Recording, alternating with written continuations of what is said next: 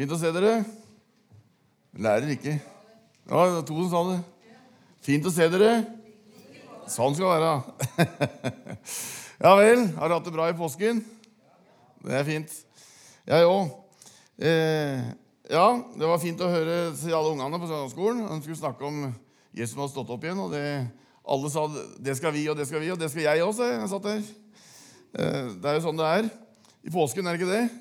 det er, eh, tenkte på det i går da jeg kjørte ned fra fjellet. Det, jeg har sagt det før også. Det hadde vært moro å kunne si noe som ingen har sagt før. Når det står sånn, men det, det, men det, som er spesielt med dette, er at dette er gjentagbart. Eh, det er det som er spesielt med Guds ord, at det, det, er, eh, er mulig å gjenta det. Og så gir det noe nytt, og så får du noen andre vinklinger, og så er det litt forskjellig. Så det er veldig fint med den boka, som er annerledes enn alle andre bøker. Så fint å være her og, og se dere igjen. Eh, vi har med oss noen venner fra USA i dag òg. Det er også veldig hyggelig. De var, sitter bak der, gjemt seg bakerst. Linn og Toshi. Jeg kan si hei til dem etterpå. Det var, det var, de første vennene vi fikk i Japan for 30 år siden. Vi møtte dem første gang da. Vi gikk i samme menighet. De ble veldig gode venner og har tydeligvis vært til siden siden de kommer på besøk til oss nå. Nå bor de i USA, vi bor her, men eh, det er så Japan som binder oss sammen. da. Så det er veldig hyggelig å ha dem på besøk noen, noen dager nå. Eh, ja, da skal vi Vi har jo feira I går var det første påskedag. Da feirer vi oppstandelsen. Det er jo den store, store da, festdagen. Eh, og da kan vi jo vente et år til før vi snakker om det. Nei da, det er ikke det. Det er, det er ikke sånn det er. Eh, og så er det sånn at Kirkeåret nå er ikke vi så opptatt av det kanskje i våre sammenheng, men kirkeåret det varer jo faktisk det varer jo påsken helt gjennom 50 dager, helt til pinsedag. egentlig. Så er det sånn påsken i, i eh, det offisielle kirkeåret. Men enda viktigere enn det er jo det at uh, Jesu oppstandelse det er jo den sentrale begivenheten i kristendommen, i vår tro eh, som etablerer sannheten om at Jesus han var og han er Guds sønn. Så oppstandelsen er jo hele hva skal vi si, kjernen i vår tro. Hvis vi ikke trodde på oppstandelsen, så hadde vi egentlig ingenting igjen.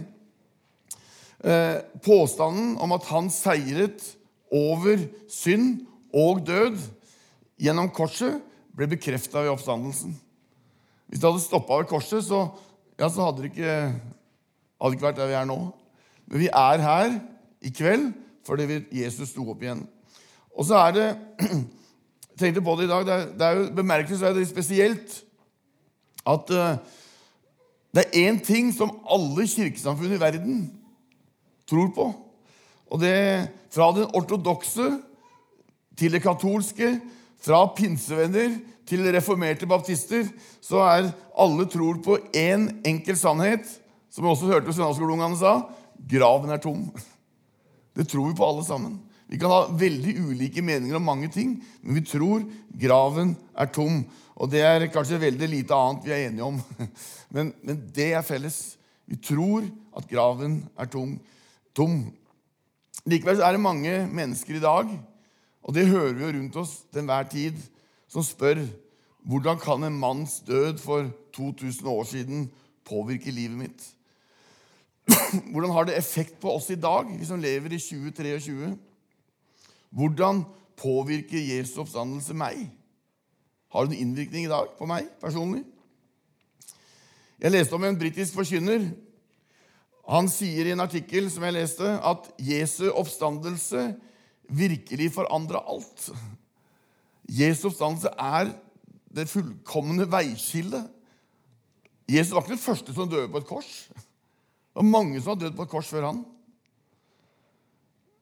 Når han tok all vår synd med seg opp på korset, det skal vi selvfølgelig ha med. Og det er viktig.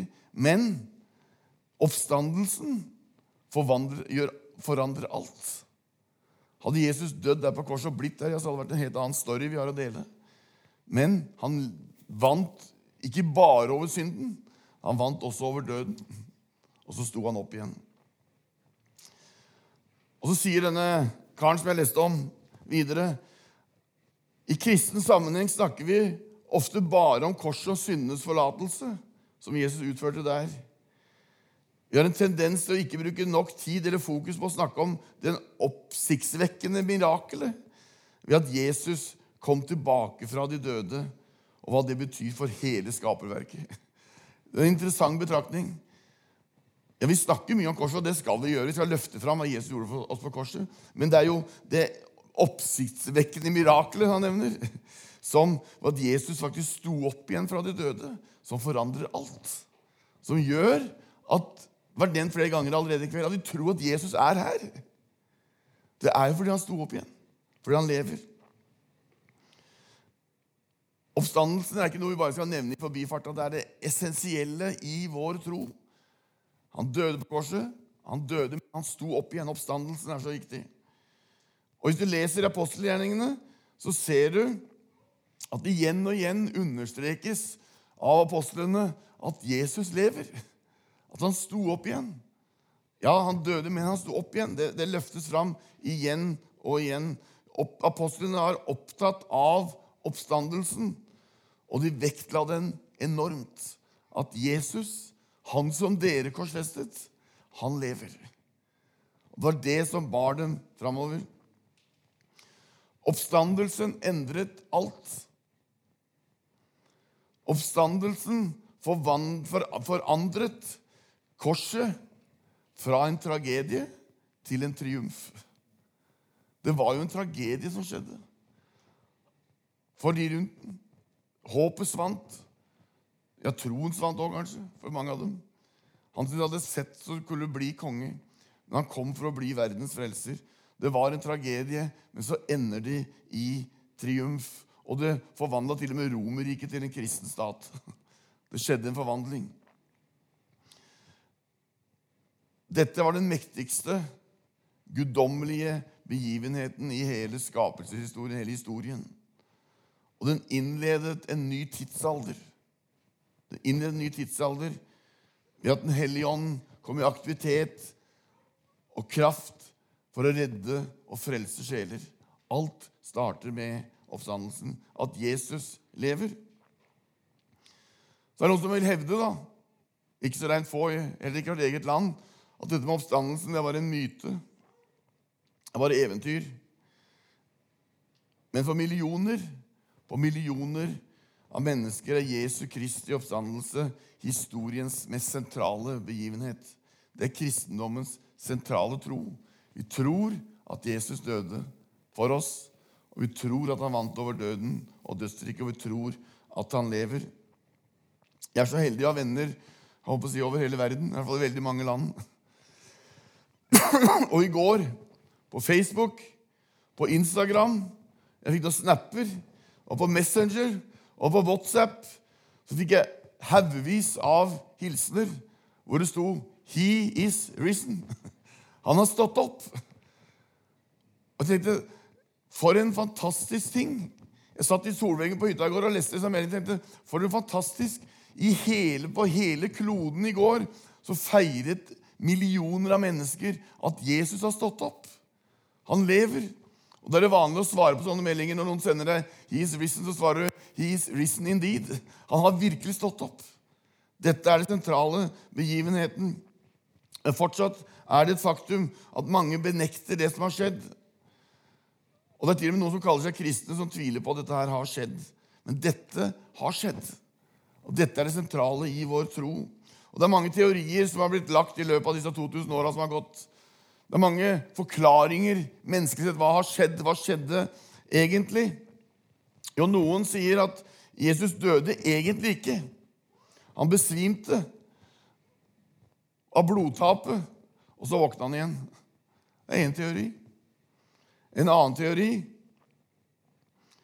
at noen av, disiplene tok den. Den tok kroppen hans. Men hvis du går over disse teoriene, så finner du at det er ikke så veldig, veldig troverdig.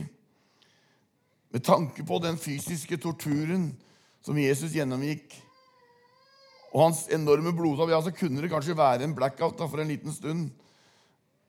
Men at han skulle komme seg ut av graven og flytte den steinen som Elisabeth nevnte, som anslås å være to tonn, er ikke så veldig sannsynlig, det heller.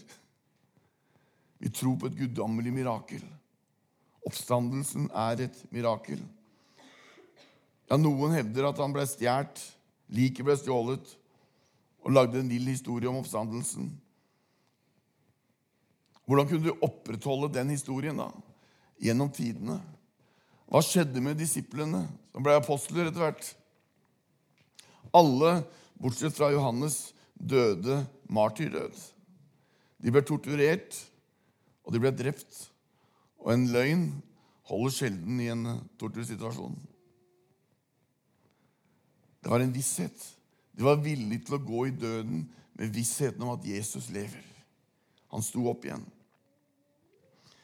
Paulus skriver i 1. Korinterne 15, vers 3-4.: For først og fremst overga jeg til dere det jeg selv har tatt imot, at Kristus døde for våre synder etter Skriftene.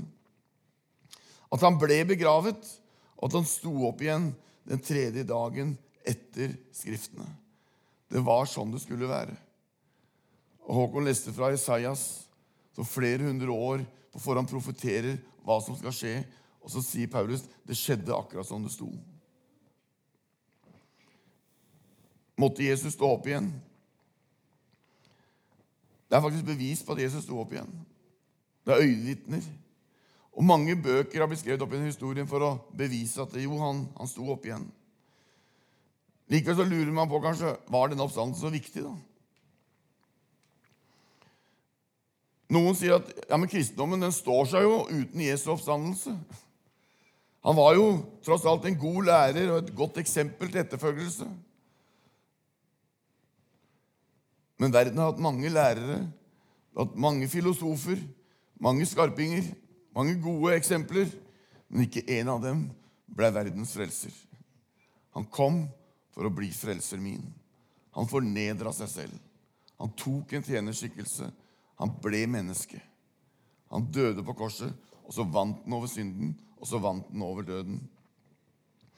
1. Johannes 2,2 står det han er en soning for våre synder. Ja, ikke bare våre, men for hele verden. Det er vår frelser. Soning for hele verden. Så Først og fremst var oppstandelsen avgjørende for å bevise at Jesus er den han er. Han er Guds sønn, som kunne sørge for tilgivelse for alle mennesker. Oppstandelsen er beviset på hans identitet. Hvem er han? Jo, han er Guds sønn. Og Det var også nødvendig for det skulle oppfylles det som Jesus selv hadde sagt de tre åra som han vandra rundt og gjorde sin tjeneste og hadde disiplene med seg. Han hadde sagt til dem så mange ganger og Noen ganger så undres jeg over hvor lite de skjønte. De gikk sammen med Jesus, og han uttrykte igjen og igjen. Blant annet så sier han i Johannes 11, 25, Jeg er oppstandelsen og livet. Den som tror på meg, skal leve om han enn dør. En merkelig uttalelse. I Johannes 8, 58 står det sannelig, sannelig, sier jeg dere, før Abraham var, er jeg. Det er noen merkelige uttalelser. Det burde jo stått 'var jeg', men så er jeg. Jesus er. Han er nåtid. Han var før Abraham. Og sin etterfølger sier han, 'Jeg gir dem evig liv', Johannes 10, 28. 'Jeg gir dem evig liv. De skal aldri i evighet gå tapt, og ingen skal rive dem ut av min hånd.' Dette var klare utsagn fra Jesus. Og gjennom sin oppstandelse, så viser Jesus hvem han er. Han er Gudesønnen. Han er Guds sønn, som vant over døden og dødsriket. Ved å stå opp fra det døde så viste Jesus at de ord han har sagt, de er sanne. Det er hans identitet. Han hevdet det han hadde sagt, det var korrekt. Det stemte. Han måtte dø. Og Gjentatte ganger så hadde Jesus samtaler med disiplene sine om sin død og sin oppstandelse. Markus 8, 31 sier f.eks.: Jesus begynte å lære dem menneskesønnen må lide mye og bli forkastet av de eldste og overpresten og de skriftlærde. Han skal bli slått i hjel, og tre dager etter skal han stå opp. Dette fortalte Jesus igjen og igjen. Og Da kom jeg til den Hva skjønte de egentlig? Hva trodde de egentlig Jesus mente? Vi ser jo den Jesus blir arrestert blir ført til Golgata, så trekker de seg tilbake. Håpet blir borte. De gjemmer seg. Vi kjenner historien om Emmaus-vandrerne. Og den dukker opp flere steder. I Markus 9, 31 står det sånn hvor Jesus sier menneskesønnen blir overgitt i menneskers hender. og De skal slå ham i hjel, og tre dager etter sin død skal han stå opp. Han minte på det igjen og igjen. Han skal dø, men han skal også stå opp igjen. Og I Markus 10, 34, og de skal håne ham og spytte på ham, piske ham og slå ham i hjel. Og tre dager etter skal han stå opp. Igjen og igjen så kommer Jesus med utsagn om hva skal skje med han. Allikevel så hadde de så vanskelig for å skjønne det og for å tro det. Og det underlige er kanskje at ikke lyset gikk opp når det skjedde. Når Jesus blei arrestert, når Jesus blei nagla til korset, så gikk ikke lyset opp da heller. Han hadde jo sagt 'jeg må dø'. Det er interessant å tenke på. Og så fortsetter øyevitneskildringen. Vi vet at i en rettssak så har øyevitnet en viktig posisjon. Den som har sett noe. Er du et øyevitne til noe, skal du fortelle akkurat det du så. Nå hender det nok at folk ser litt forskjellig, men øyevitnet skal fortelle. Og vi har vokst opp med det vi kaller for tidsvitner etter krigen, f.eks. Det blir færre og færre av dem som opplevde ting under krigen. altså Øyevitner som har vært og sett det sjøl. Paulus skriver i 1. Korinterne, og han viser seg for Kefas 1. Korinterne 15, 5. Han viser seg for Kefas og deretter for de tolv. Deretter viste han seg for mer enn 500 søsken på én gang. Av dem lever de fleste ennå, men noen er sovnet inn. Deretter viste han seg for Jakob, deretter for alle apostlene. Aller sist viste han seg for meg, jeg som bare er et ufullbårent foster. Han møtte den oppstandende. Hvem er du? sa Paulus, eller Saulus. Jeg er Jesus, han som du forfølger. Så jeg snakker om flere hundre øyenvitner som har sett det samme, at Jesus lever. Og Det gamle testamentets profetier ble oppfylt, som vi også hørte Håkon leste. Det hadde blitt forutsagt mange ganger i Det gamle testamentet at Jesus skulle komme, han skulle dø, han skulle stå opp igjen. Apostelen Paulus skulle senere undervise om dette her i synagogene. Han, besøkte, han reiste rundt og besøkte synagogene. Og så er apostelgjerningen 17,2. De reiste gjennom Amfipolis og Apollonia og kom til Thessalonika. Der var det en jødisk synagoge, og Paulus gikk dit som han pleide. Altså Han gikk til synagogen og kom til et nytt sted, så gikk Paulus til synagogene.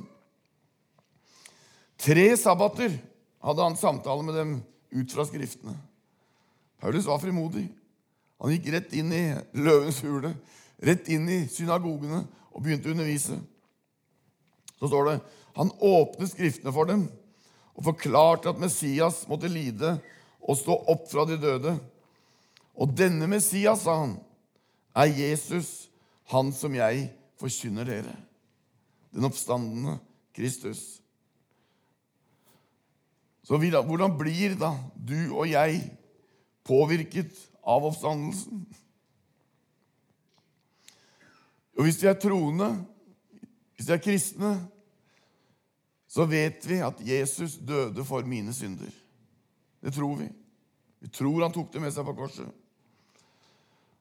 Han tok straffen for at du og jeg skulle bli fri fra synd og fra skyld og fra evig straff. Han tok alt med seg opp på korset.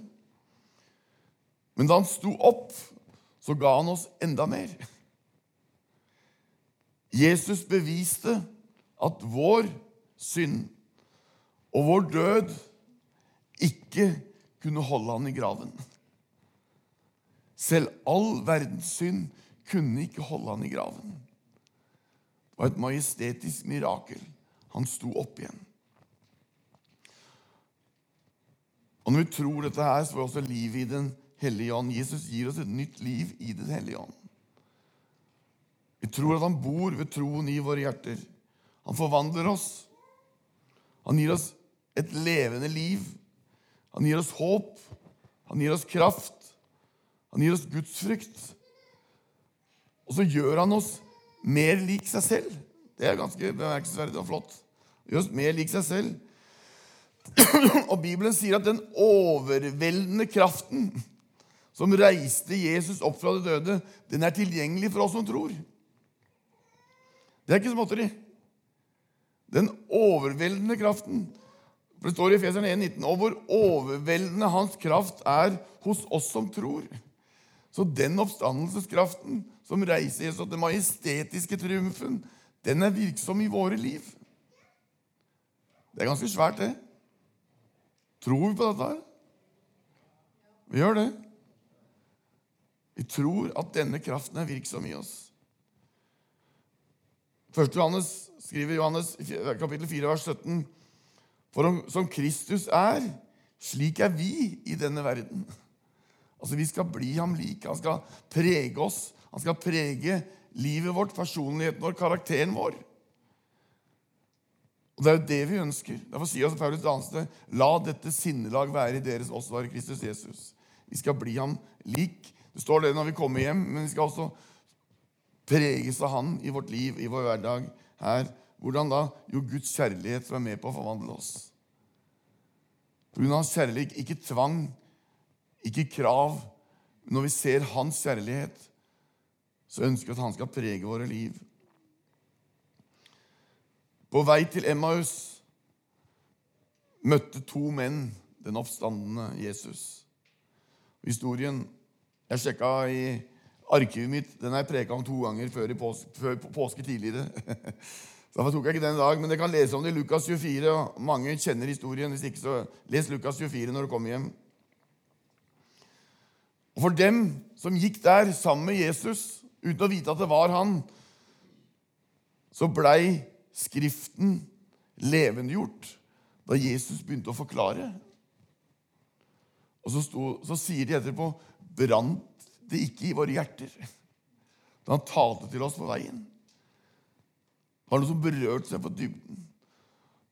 Og så har kanskje du og jeg også opplevd det i vår livsvandring, at han har talt til oss. Vi kjente at det brant i hjertet. De kjente ham ikke igjen, men det første de skjønte ikke at det var ham. Kanskje det er sånn i våre liv òg. Det er ikke sikkert vi alltid skjønner at det er Jesus. Men vi har en tro på at eh, han er der. Jeg husker Mathias var liten. Vi var i Norge på besøk. Og Så var han hjemme sammen med bestefar, Ivar. Så kasta bestefar en snøball i ryggen på han.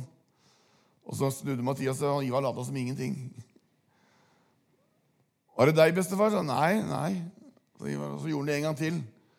Og seg. 'Var det deg, bestefar?' Nei, nei, sa Ivar. Tøyse med. Ok, da var det Jesus, da, sa han. Det er ikke alltid vi kjenner han igjen. Men han er der. Men senere, da disse to fra Emmaus var sammen med Jesus, så gjør Jesus noe. Han bryter brødet. Og da, i et øyeblikk, så kjenner de han igjen. De kjenner igjen hvem han var. Og så ble han borte for dem igjen. Det var litt av en opplevelse. Men hva skjedde da med disse to? De to første som fikk se hvem han var etter oppstandelsen, jo, de løper til jeg håper å si, hjemmestedet til disiplene, der de var samla seg. Og så ropte de ut det er sant! Han er oppstanden. Han lever. Så var det ikke bare svada og tull disse damene kom og sa da. Han lever. Og ettersom dagene gikk etter dette her, så blei øyevitnene eh, eh si, beretningene flere og flere. Det var flere og flere som opplevde at han levde. De så han, de møtte han. Så Vi leste i stad fra 1. Korinterne, og han viste seg for Kefas, og deretter for de tolv. Én etter én. Deretter viste han seg for mer enn 500. Da har du øynene gitt en rock.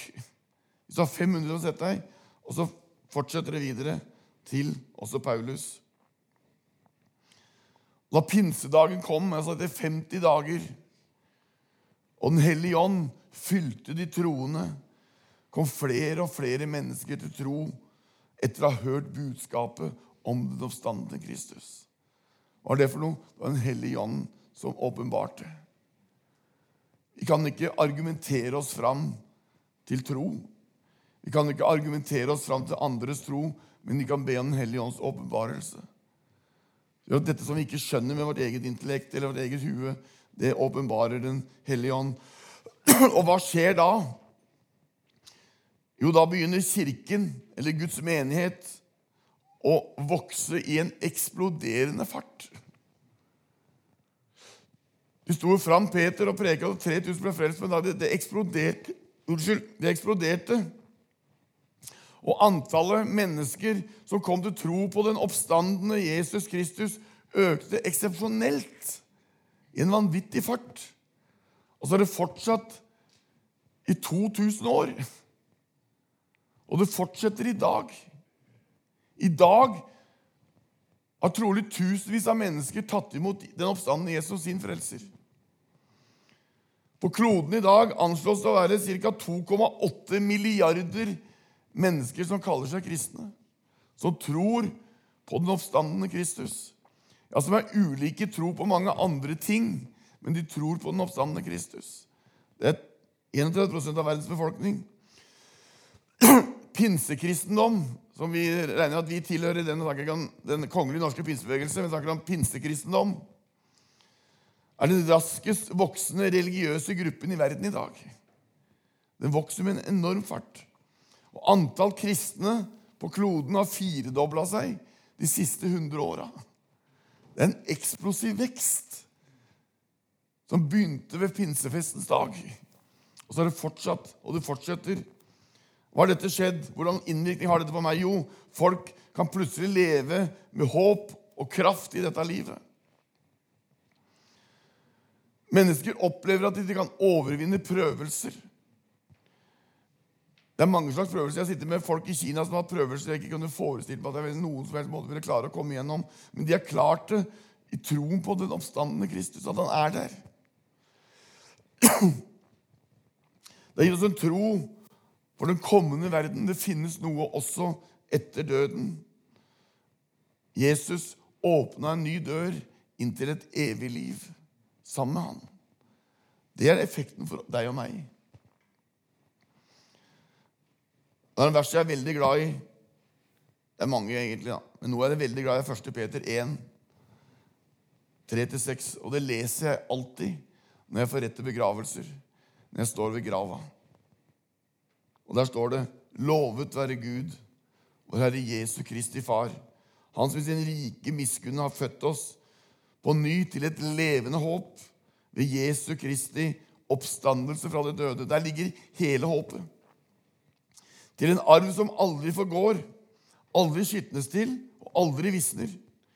Den er gjemt i himmelen for dere, dere som i Guds kraft blir bevart ved tro, så dere når fram til frelsen. Den ligger alt ferdig til å bli åpenbart ved tidens ende. Derfor kan dere juble av glede, selv om dere, dere nå en kort tid, om så må være, har det tungt i mange slags prøvelser.